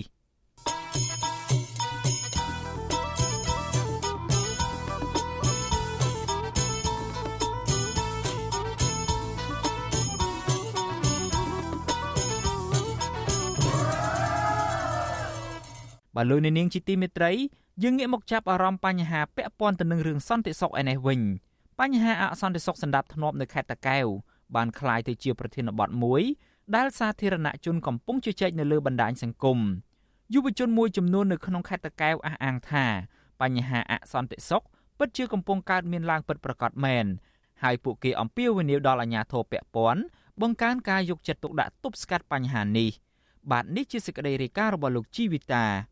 យុវជនផុនចន្ទថាឲ្យដឹងថាបច្ចុប្បន្នលោកធ្វើការងារនៅរាជធានីភ្នំពេញហើយតែងតែធ្វើដំណើរទៅលេងស្រុកកំណើតនៅខេត្តតាកែវជាញឹកញាប់លោកថាលោកមានការភ្ញាក់ផ្អើលដោយមិននឹកស្មានថាខេត្តកំណើតរបស់លោកមានអំពើហិង្សានិងរឿងអសន្តិសុខផ្សេងផ្សេងទៀតកើតឡើងយ៉ាងច្រើននោះទេយុវជនផុនចន្ទថាសង្កេតឃើញថាមូលហេតុដែលនាំឲ្យរឿងរ៉ាវអសន្តិសុខទាំងនេះកើតមាននៅខេត្តកំណើតនិងតំបន់ក្បែរក្បែរផ្ទះរបស់លោកនោះ គឺដោយសារតែឥទ្ធិពលគ្រឿងញៀនគ្រឿងស្រវឹងនិងលបែងស៊ីសងបើយើងប្រៀបធៀបជាមួយនឹងបរិបទដែលខ្ញុំនៅពីក្មេងឥឡូវវាខុសគ្នាឆ្ងាយគ្រឿងញៀនក៏ច្រើនមានការលេងលបែងហ្នឹងក៏វាច្រើនគួរសមហើយមានការអសិលធម៌តកតងមួយនឹងការផឹកស៊ីហ្នឹងក៏ក៏ច្រើនដែររឿងស្រារឿងគ្រឿងស្រវឹងអីអញ្ចឹងណាបងឃើញថាក៏កើតឡើងច្រើនមិនមែនតែមនុស្សធំទេសូម្បីតែក្មេងហ្នឹងគឺក៏មានការប្រើប្រាស់ មួយចំនួន ជាពិសេសទៅដល់យុវជនដែរស្រដៀងគ្នានេះដែរយុវជននៅខេត្តតកែវម្នាក់ទៀតលោកលក្ខភិរៈលើកឡើងថាបញ្ហាអសន្តិសុខគឺកើតឡើងដោយសារក្រុមយុវជន ដែលមិនបានចូលសាលារៀនបង្កើតជាក្រុមបកពួកបង្កចំនួនលោកភិរៈមើលឃើញសកម្មភាពក្រុមបងធំឬក្មេងទំនើងកើតឡើងច្រើន ដោយសារតែអាញាធរអសកម្មមួយរយៈនេះមន្ត្រីរាជការនៅក្នុងខេត្តតកែវគាត់ ដូចជាគាត់អត់មានទំនួលខុសត្រូវចង់និយាយថាគាត់មានបញ្ហានឹងកើតឡើងគាត់អត់ចេញមកដើម្បីអះអាងឬក៏អីដើម្បីកែប្រែបញ្ហាទាំងអស់ហ្នឹងនេះទេគាត់បែរទៅជាចោតថាកុំឲ្យប្រជាពលរដ្ឋហ្នឹងខ្វាយខ្វល់ច្រើនពេកអីចឹងណាបងប៉ុន្តែគាត់អាចបានធ្វើចំណាត់ការមួយច្បាស់លាស់ដើម្បីកែប្រែស្ថានភាពហ្នឹងឯងចំណែកយុវតីមានស្រុកកំណើតនៅខេត្តតាកែវម្នាក់ទៀតគឺកញ្ញាឯកម៉ានីឡែនមើលឃើញថា អាញាធរពពាន់មានការប្រឹងប្រែងក្នុងការដោះស្រាយបញ្ហានេះដែរប៉ុន្តែកញ្ញាថាបញ្ហាអសន្តិសុខប៉ុន្មានឆ្នាំចុងក្រោយនេះមិនបានថយចុះទេ ដែលធ្វើឲ្យមានគ្រោះថ្នាក់ទាំងអ្នកប្រព្រឹត្តនិងជនស្លូតត្រង់ផ្សេងទៀតដែលមិនបានចូលរួមប្រព្រឹត្តអំពើហឹង្សាចោរកម្មគ្រឿងញៀនលបែងស៊ីសងយុវជនដែលគាត់ផ្លើតផ្លើនកាត់ចាក់គ្នាហ្នឹងគឺនៅតែមាន ពុំពុំឃើញស្បាយសោះនៅក្នុងឆ្នាំណាមួយអញ្ចឹងករណីមួយចំនួននេះវាកាត់ឡើងចំពោះជនស្លូតត្រង់ហើយវាជាហេតុដែលធ្វើឲ្យជនដែលគាត់ពុំដឹងអីសោះហ្នឹងគាត់ត្រូវបានទទួលរងនៅភាពអយុត្តិធម៌នេះជាសោកនាដកម្មដ៏គួរឲ្យសោកស្ដាយមែនទែនសម្រាប់ពួកគាត់ក៏ដូចជាពលរដ្ឋដែលរស់នៅក្នុងខេត្តតាកែវទាំងមូលរួមទាំងនាងខ្ញុំផងដែរនៅរយៈពេលប្រមាណខែចុងក្រោយនេះមានការផ្សព្វផ្សាយពីអ្នកប្រើប្រាស់បណ្ដាញសង្គមជាបន្តបន្ទាប់លើបញ្ហាហិង្សា ក្រុមយុវជនវាយដំគ្នារហូតដល់ស្លាប់ករណីគប់កញ្ចក់ឡាន ការដេញវាយតប់គ្នាលើដងផ្លូវជាដើមទោះជាយ៉ាងណាក្រុមយុវជនទាំងនេះអំពាវនាវកុំឲ្យសាធារណជនរើសអើងអ្នកមានស្រុកកំណើតនៅក្នុងខេត្តតាកែវដែលនាំឲ្យមានការបែកបាក់សង្គមហើយម្យ៉ាងទៀតអ្នកមានស្រុកកំណើតនៅខេត្តតាកែវក៏មានស្នាដៃច្រើនក្នុងការកសាងសង្គមជាតិដែរវិទ្យុអាស៊ីសេរីបានតាក់ទងអភិបាលខេត្តតាកែវលោកអ៊ូចភៀអភិបាលរង និងអ្នកនាំពាក្យសាលាខេត្តនេះគឺលោកលីសាវ៉េតព្រមទាំងអ្នកនាំពាក្យក្រសួងមហាផ្ទៃលោកខៀវសុភ័ក្រដើម្បីសូមអត្ថាធិប្បាយជុំវិញបញ្ហានេះនៅថ្ងៃទី15មីនាប៉ុន្តែទូរស័ព្ទចូលពុំមានអ្នកទទួលទោះជាយ៉ាងណា នៅក្នុងសន្និសីទសារព័ត៌មាននៅទីស្តីការគណៈរដ្ឋមន្ត្រីនៅដើមខែមីនាឆ្នាំ2023លោកអ៊ូចភៀបានអះអាងថា បញ្ហាសន្តិសុខនៅខេត្តតាកែវអាជ្ញាធរគ្រប់គ្រងបានល្អលោកបន្តថា ការផ្សព្វផ្សាយបន្តបន្ទាប់ពីអំពើហិង្សាផ្សេងៗនៅខេត្តតាកែវនោះគឺអ្នកប្រើប្រាស់បណ្ដាញសង្គមមួយចំនួនយករឿងចាស់មកផ្សព្វផ្សាយដើម្បីតាក់ទាញអ្នកចូលរួមមើលតែប៉ុណ្ណោះបញ្ហាដែលវាកើតឡើងគឺយើងឃើញថាវាមិនមែនដូចអ្វីដែលបងប្អូនសារព័ត៌មានយើងមួយចំនួនគាត់យកទៅបង្ហោះយកទៅបង្ហើដើម្បីឲ្យមានការឡាយរេសៀនៅក្នុងបណ្ដាញសង្គមរបស់គាត់នោះទេខ្ញុំក៏សូមទទួលស្គាល់ការពិត អំពីបញ្ហានេះប៉ុន្តែវាមានតែយើងទាំងអស់គ្នារួមគ្នានេះការពារនេះការពារទាំងអស់គ្នាដើម្បីយើងបានសេចក្តីសុខទាំងអស់គ្នាទោះជាយ៉ាងណាក៏ដោយចុះអ្នកស្រាវជ្រាវពីការអភិវឌ្ឍសង្គមលោកមាសនីលើកឡើងថាបញ្ហាអសន្តិសុខដែលបណ្ដាលមកពីគ្រឿងញៀននិងគ្រឿងស្រវឹងកើតមានឡើងទូទាំងប្រទេសមិនមែនកើតមាននៅតែខេត្តតាកែវនោះទេ ចំពោះបញ្ហានៅខេត្តតាកែវលោកជំរុញឲ្យអាជ្ញាធរស្រាវជ្រាវរកការពិត ជាជាងចេះតែបដិសេធអើបាននៅខេត្តដទៃហ្នឹងក៏មានជាងដូចគ្នាដែរគាត់ថាវាពេលខ្លះក៏លើកឡើងហើយក៏បាត់ទៅវិញដែរប៉ុន្តែនៅករណីក្នុងខេត្តតកែវនេះ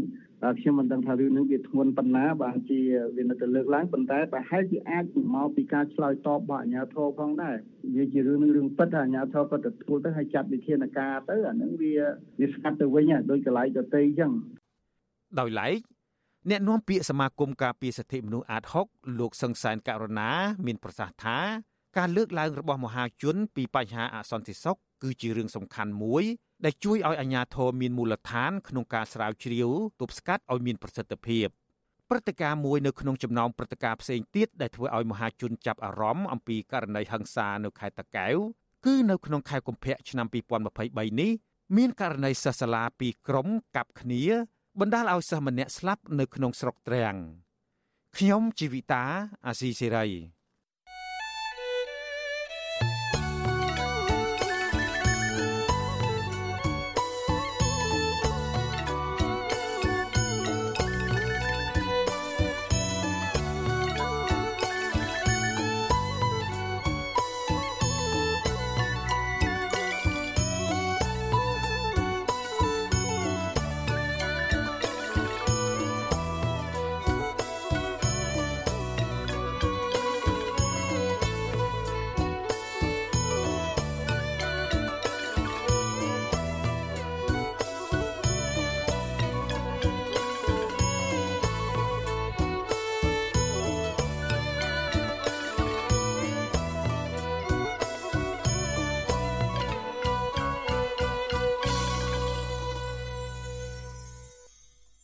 លោកនាងកំពុងស្ដាប់ការផ្សាយរបស់ Vuthu Azizi Serai ពីរដ្ឋធានី Washington នៃសហរដ្ឋអាមេរិកអាជ្ញាធរខេត្តព្រះវិហារបានហៅបណ្ដាញសហគមន៍ព្រៃឡង់ចំនួន2នាក់ទៅសួរនាំជុំវិញការធ្វើពិធីបុណ្យរំលឹកគុណព្រៃឡង់និងបុណ្យបំពោះដើមឈើនិងបានថតបញ្ជីឈ្មោះប្រជាពលរដ្ឋដែលចូលរួមនៅក្នុងពិធីនេះប្រជាសហគមន៍ឲ្យដឹងថាទង្វើបែបនេះរបស់អាជ្ញាធរបានធ្វើឲ្យប្រជាពលរដ្ឋមានការភ័យខ្លាចពួកគេថាអាជ្ញាធរគួរតែលើកទឹកចិត្តដល់ប្រជាពលរដ្ឋ ដែលបានចូលរួមការពារព្រៃឈើទៅជារឿងត្រឹមត្រូវបាទសូមលោកអ្នកនាងស្ដាប់សេចក្តីរាយការណ៍នេះពឹស្ដារបស់លោកមានរិទ្ធដូចតទៅបណ្ដាញសហគមន៍ព្រៃឡង់នៅតែបន្តស្ថិតក្រោមការរដ្ឋបិទពីអាជ្ញាធរអ្វីត្បិតតែពួកគេបាននាំគ្នាធ្វើពិធីបុណ្យរំលឹកគុណនិងបំពោះដើមឈើនៅក្រៅតំបន់ព្រៃឡង់និងធ្វើតាមខេត្តរៀងៗខ្លួនយ៉ាងណាក្តីតំណាងសមាជិកបណ្ដាញសហគមន៍ព្រៃឡង់នៅខេត្តព្រះវិហារលោកខេមខី ប្រាវិសុយស៊ីស្រីនៅថ្ងៃទី15ខែមីនាថាលោកនិងសមាជិកបណ្ដាញសហគមន៍ព្រៃឡង់ម្នាក់ទៀតឈ្មោះខុតសឿមត្រូវបានអាជ្ញាធរឃុំប៉ូលីសប៉ុស្តិ៍កងរាជអាវុធហត្ថនិងអភិបាលរងស្រុកហៅទៅសួរនាំអស់ជិត3ម៉ោង កាលពីថ្ងៃទី13ខែមីនា នៅសាលាឃុំរស់រាន់ស្រុករវៀងអំពីមូលហេតុដែលពួកលោកនាំគ្នាធ្វើពិធីបុណ្យរំលឹកគុណនិងបំពោះដើមឈើ លោកបន្តថាអំឡុងពេលលោកទាំងពីរកំពុងត្រូវបានសួរនាំនៅសាលាឃុំប៉ូលីសនិងពជាការពារភូមិ5ទៅ6នាក់ក៏បានចុះទៅដល់រោងបុណ្យដើម្បីសួរនាំបន្ថែមដល់ក្រុមពលរដ្ឋដែលបានចូលរួមពិធីបុណ្យនិងបានថតយកបញ្ជីឈ្មោះអ្នកចូលរួម លោកយល់ថានេះគឺជារូបភាពមួយ បំផិតបំភ័យឲ្យពលរដ្ឋខ្លាចរអានៅក្នុងការការពារធនធានធម្មជាតិឲ្យបានគង់វង្សមានការថតយកជីវត្តមានថតយកអីទៅក៏ធ្វើឲ្យពួកគាត់មួយចំនួនអ្នកចូលរួមក៏គាត់មានការព្រួយបារម្ភខ្លាចថាយើងនឹងជាបពប្រឆាំងបះអីចឹងទៅក៏គាត់មានការព្រួយបារម្ភព្រោះគាត់អ្នកមកចូលរួមក៏មិនមែនជាអ្នកប្រឆាំងអីដែលគាត់ជាអ្នកដែលស្រឡាញ់ទុនធានធម្មជាតិអញ្ចឹងក៏ជាការព្រួយបារម្ភមួយដែរសម្រាប់ពួកគាត់ នៅឆ្នាំ2023នេះបណ្ដាញសហគមន៍ព្រៃឡង់ទាំង4ខេត្តបានធ្វើពិធីបុណ្យរំលឹកគុណនិងបំពោះដើមឈើឡើងវិញក្រោយពីពួកគេបានខកខានមិនបានប្រារព្ធពិធីនេះអស់រយៈពេលជាច្រើនឆ្នាំចាប់តាំងពីការផ្ទុះឆ្លងរាលដាលនៃជំងឺ Covid-19 កាលពីចុងឆ្នាំ2019 ក៏ប៉ុន្តែពួកគេ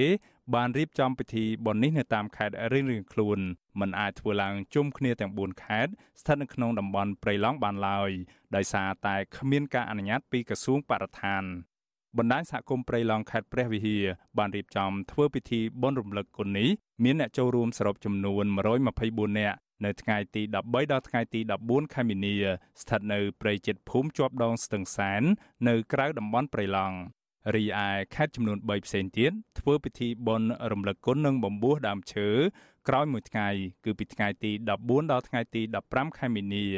កម្មវិធីបុណ្យរបស់បណ្ដាញសហគមន៍ព្រៃឡង់ខេត្តស្ទឹងត្រែងធ្វើឡើងនៅក្នុងព្រៃសហគមន៍ឈើទាល់ព្រឹសស្ថិតនៅក្នុងឃុំចំការលើស្រុកថ្លាបរវត្តគណៈកម្មវិធីបុណ្យរបស់បណ្ដាញសហគមន៍ព្រៃឡង់ខេត្តកំពង់ធំធ្វើឡើងនៅក្នុងព្រៃសហគមន៍ក្បាលខ្លាឃុំសណ្ដាននៃស្រុកសណ្ដាន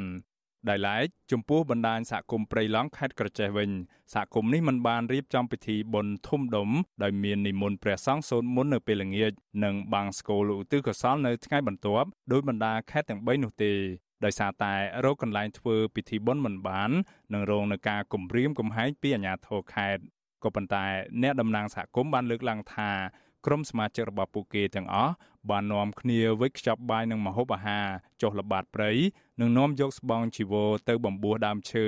ហើយសែនព្រេនបន់ស្រន់តាមប្រពៃណីជនជាតិដើមភាគតិចលោកខេមខីតំណាងសមាជិកបណ្ដាញសហគមន៍ព្រៃឡង់ខេត្តព្រះវិហារលើកឡើងទៀតថានៅពេលសួរនាំនៅសាលាឃុំមន្ត្រីបានជជែកសួររកអ្នកដែលឧបត្ថម្ភថវិកា សម្រាប់ធ្វើពិធីបុណ្យរំលឹកគុណនិងបំពោះដើមឈើនិងបានសួរនាំអំពីមូលហេតុដែលក្រសួងបរិស្ថានមិនអនុញ្ញាតឲ្យធ្វើពិធីបុណ្យស្ថិតនៅក្នុងតំបន់ព្រៃឡង់អញ្ញាធិក៏បានស្នើឲ្យបដូរពិធីបុណ្យទៅថ្ងៃផ្សេងក៏ប៉ុន្តែលោកបដិសេធ ហើយខ្ញុំក៏បានឆ្លើយនឹងគាត់ថាបើតាមខ្ញុំគិតហើយជាមន្ត្រីបរិស្ថានគាត់អត់អុយពួកខ្ញុំទៅចូលធ្វើបន់ក្នុងតំបន់ព្រៃឡង់ដោយសារនៅក្នុងតំបន់ព្រៃឡង់ហ្នឹងគឺយន្តដឹកឈើច្រើនពេកខ្លាចគឺយន្តដឹកឈើហ្នឹងវាគ្រោះថ្នាក់ឲ្យជនមនុស្សជនអ្នកដែលទៅបន់អញ្ចឹងណា ការធ្វើពិធីបុណ្យរំលឹកគុណនិងបំបួដើមឈើរបស់បណ្ដាញសហគមន៍ព្រៃឡង់ធ្វើឡើងនៅក្នុងគោលបំណងបង្ហាញក្តីដឹងគុណដល់ព្រៃឈើដែលតែងតែផ្ដល់ផលប្រយោជន៍និងអនុផលសម្រាប់ពួកគេដែលរស់នៅតំបន់ដាច់ស្រយាលតាំងពីបុរាណកាលមក ដូចជាការចូលបេះផ្លែឈើដកផ្សិតបោចវល្លិនិងរកឃ្មុំជាដើម ជាពិសេសព្រៃឈើគឺជាប្រភពដ៏សំខាន់បំផុតសម្រាប់ទាក់ទាញទឹកភ្លៀង បំរើឲ្យការធ្វើស្រែចម្ការបង្កបង្កើនផលពាក់ព័ន្ធនឹងរឿងនេះមេឃុំរស់រាន់លោកប្រាក់វេតឆ្លើយតបថាការហៅតំណាងសមាជិកបណ្ដាញសហគមន៍ព្រៃឡង់ទាំងពីរនាក់ទៅសួរនាំគឺដោយសារតែដំបងឡើយលោកទទួលបានការជូនដំណឹងតាមទូរស័ព្ទថានឹងរៀបចំពិធីបុណ្យនៅក្នុងព្រៃឡង់ក៏ប៉ុន្តែជាក់ស្ដែងពួកគេធ្វើនៅក្រៅតំបន់ព្រៃឡង់ទៅវិញម្យ៉ាងវិញទៀតលោកបន្តថាការហៅទៅសួរនាំនេះគឺដើម្បីជួយការពារសុវត្ថិភាពតែប៉ុណ្ណោះ វាធម្មតាតែការរៀបចំគឺតកតូននឹងការពារសុវត្ថិភាពជូនដល់ប្រជាពលរដ្ឋឬក៏ជាក្រុមការងារដែលចោះមកធ្វើនៅនៅកន្លែងនេះព្រោះគេថាមួយលានចំពោះយើងមិនអាចសន្និដ្ឋានថាមានសុវត្ថិភាពទាំងអស់ទេការរៀបចំចេះជុំវិញបញ្ហានេះមន្ត្រីសម្របសម្រួលគម្រោងនៃសមាគមបណ្ដាញយុវជនកម្ពុជាហៅកាត់ថា CYN និងជាអ្នកឧស្សាហ៍ចុះទៅសិក្សាស្រាវជ្រាវអំពីការកាប់បំផ្លាញព្រៃឈើនៅក្នុងតំបន់ព្រៃឡង់ លោកអូតឡាទីនយល់ឃើញថាការហៅបណ្ដាញសហគមន៍ព្រៃឡង់ទៅសួរនាំដោយគ្រាន់តែធ្វើពិធីបុណ្យនិងជាការសួរនាំជីកឬជីកគល់យ៉ាងលម្អិតគឺបានគម្រាមកំហែងដល់ពលរដ្ឋដែលខ្វល់ខ្វាយរឿងបាត់បង់ធនធានធម្មជាតិនិងព្រៃឈើតាមពិតរូបភាពនេះ មិនមែនជារូបភាពនៅក្នុងកិច្ចសហប្រតិបត្តិការឬក៏រូបភាពនៃការខ្វាយខ្វល់ទៅលើបញ្ហាធនធានធម្មជាតិទេគឺជាការគម្រាមកំហែងទៅលើក្រមអ្នកការពារធនធានធម្មជាតិទៅវិញទេតំបន់ព្រៃឡង់មានទំហំជាង430,000ហិកតាត្រូវបានរដ្ឋាភិបាលចេញអនុក្រឹត្យប្រកាសដាក់ជាតំបន់ដែនជម្រកសត្វព្រៃកាលពីខែឧសភាឆ្នាំ2016ដើម្បីដោះស្រាយបញ្ហាកាប់បំផ្លាញព្រៃឈើទោះជាយ៉ាងណាកាលពីខែមិថុនាឆ្នាំ2021 សហរដ្ឋអាមេរិកបានសម្រេចកាត់ផ្តាច់ជំនួយអភិរក្សព្រៃឡង់ដោយអះអាងថាចាប់តាំងពីឆ្នាំ2016មកតំបន់ព្រៃឡង់ប្រមាណ38000ហិកតាត្រូវបានបាត់បង់ដោយសាររដ្ឋាភិបាលកម្ពុជាពុំបានអនុវត្តច្បាប់ប្រកបដោយប្រសិទ្ធភាពនៅក្នុងការកាប់បំផ្លាញព្រៃឈើហើយផ្ទុយទៅវិញបែរជាបំបិតសម្លេងរិះគន់និងធ្វើទុកបុកម្នេញដល់សហគមន៍និងអង្គការសង្គមស៊ីវិលដែលចូលរួមខ្វល់ខ្វាយអំពីការបាត់បង់ធនធានធម្មជាតិ បណ្ដាញសហគមន៍ព្រៃឡង់ត្រូវបានក្រសួងបរិស្ថានហាមឃាត់មិនឲ្យចូលទៅល្បាតនៅក្នុងតំបន់ព្រៃឡង់ចាប់តាំងពីឆ្នាំ2020មកបណ្ដាញសហគមន៍ព្រៃឡង់បានលើកឡើងថាសប្តាហ៍ថ្ងៃព្រៃឈើនៅក្នុងតំបន់ព្រៃឡង់កំពុងរងនឹងការកាប់ទន្ទ្រានស្ទើរគ្រប់ច្រកល្ហកហើយមានការដឹកជញ្ជូនឈើចេញពីជុំវិញព្រៃនេះដោយគ្មានការបង្ក្រាបពីមន្ត្រីបរិស្ថានឡើយ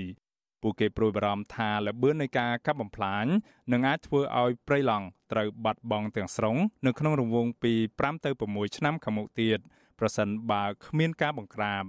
សកម្មជនការពារព្រៃឈើលោកអូតឡាទីនអះអាងថាការចុះទៅតំបន់ព្រៃឡង់នារយៈពេលចុងក្រោយរបស់លោកលោកសង្កេតឃើញថា ព្រៃឡង់កំពុងស្ថិតនៅក្នុងស្ថានភាពផុយស្រួយធ្ងន់ធ្ងរដោយសារតែការចូលកាប់ឈើធ្វើអាជីវកម្មនិងការចូលទន្ទ្រានយកដីដាំដំឡូងមីនិងស្វាយចន្ទីហើយតំបន់ដែលធ្លាប់មានដើមឈើក្រាស់ឃ្មឹកមើលពន្លឺថ្ងៃមិនឃើញបែរជាស្រឡះនិងស្ទើរតែគ្មានប្រភពទឹកទៅទៀតលោកបន្តថាបទល្មើសទាំងនេះកំពុងធ្វើឲ្យមានក្តីបារម្ភអំពីវិនាសកម្មព្រៃឈើ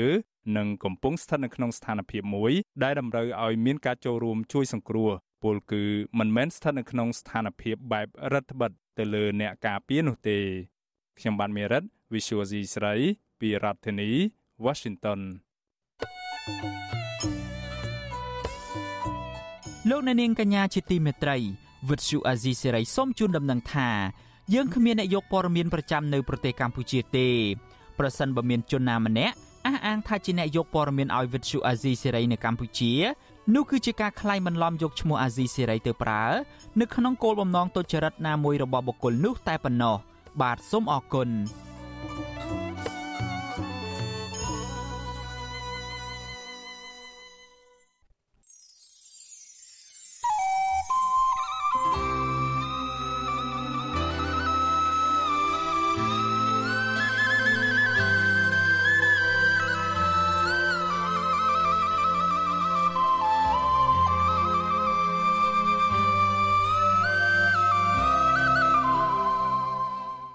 លោកអ្នកនាងជាទីមេត្រីការផ្សាយរយៈពេល1ម៉ោងរបស់វិទ្យុអាស៊ីសេរីនៅព្រឹកនេះចប់ត្រឹមតែប៉ុណ្ណេះ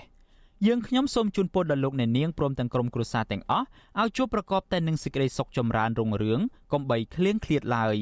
ខ្ញុំបាទយ៉ងច័ន្ទដារាព្រមទាំងក្រុមការងារទាំងអស់នៃវិទ្យុអាស៊ីសេរីសូមអរគុណនិងសូមជម្រាបលា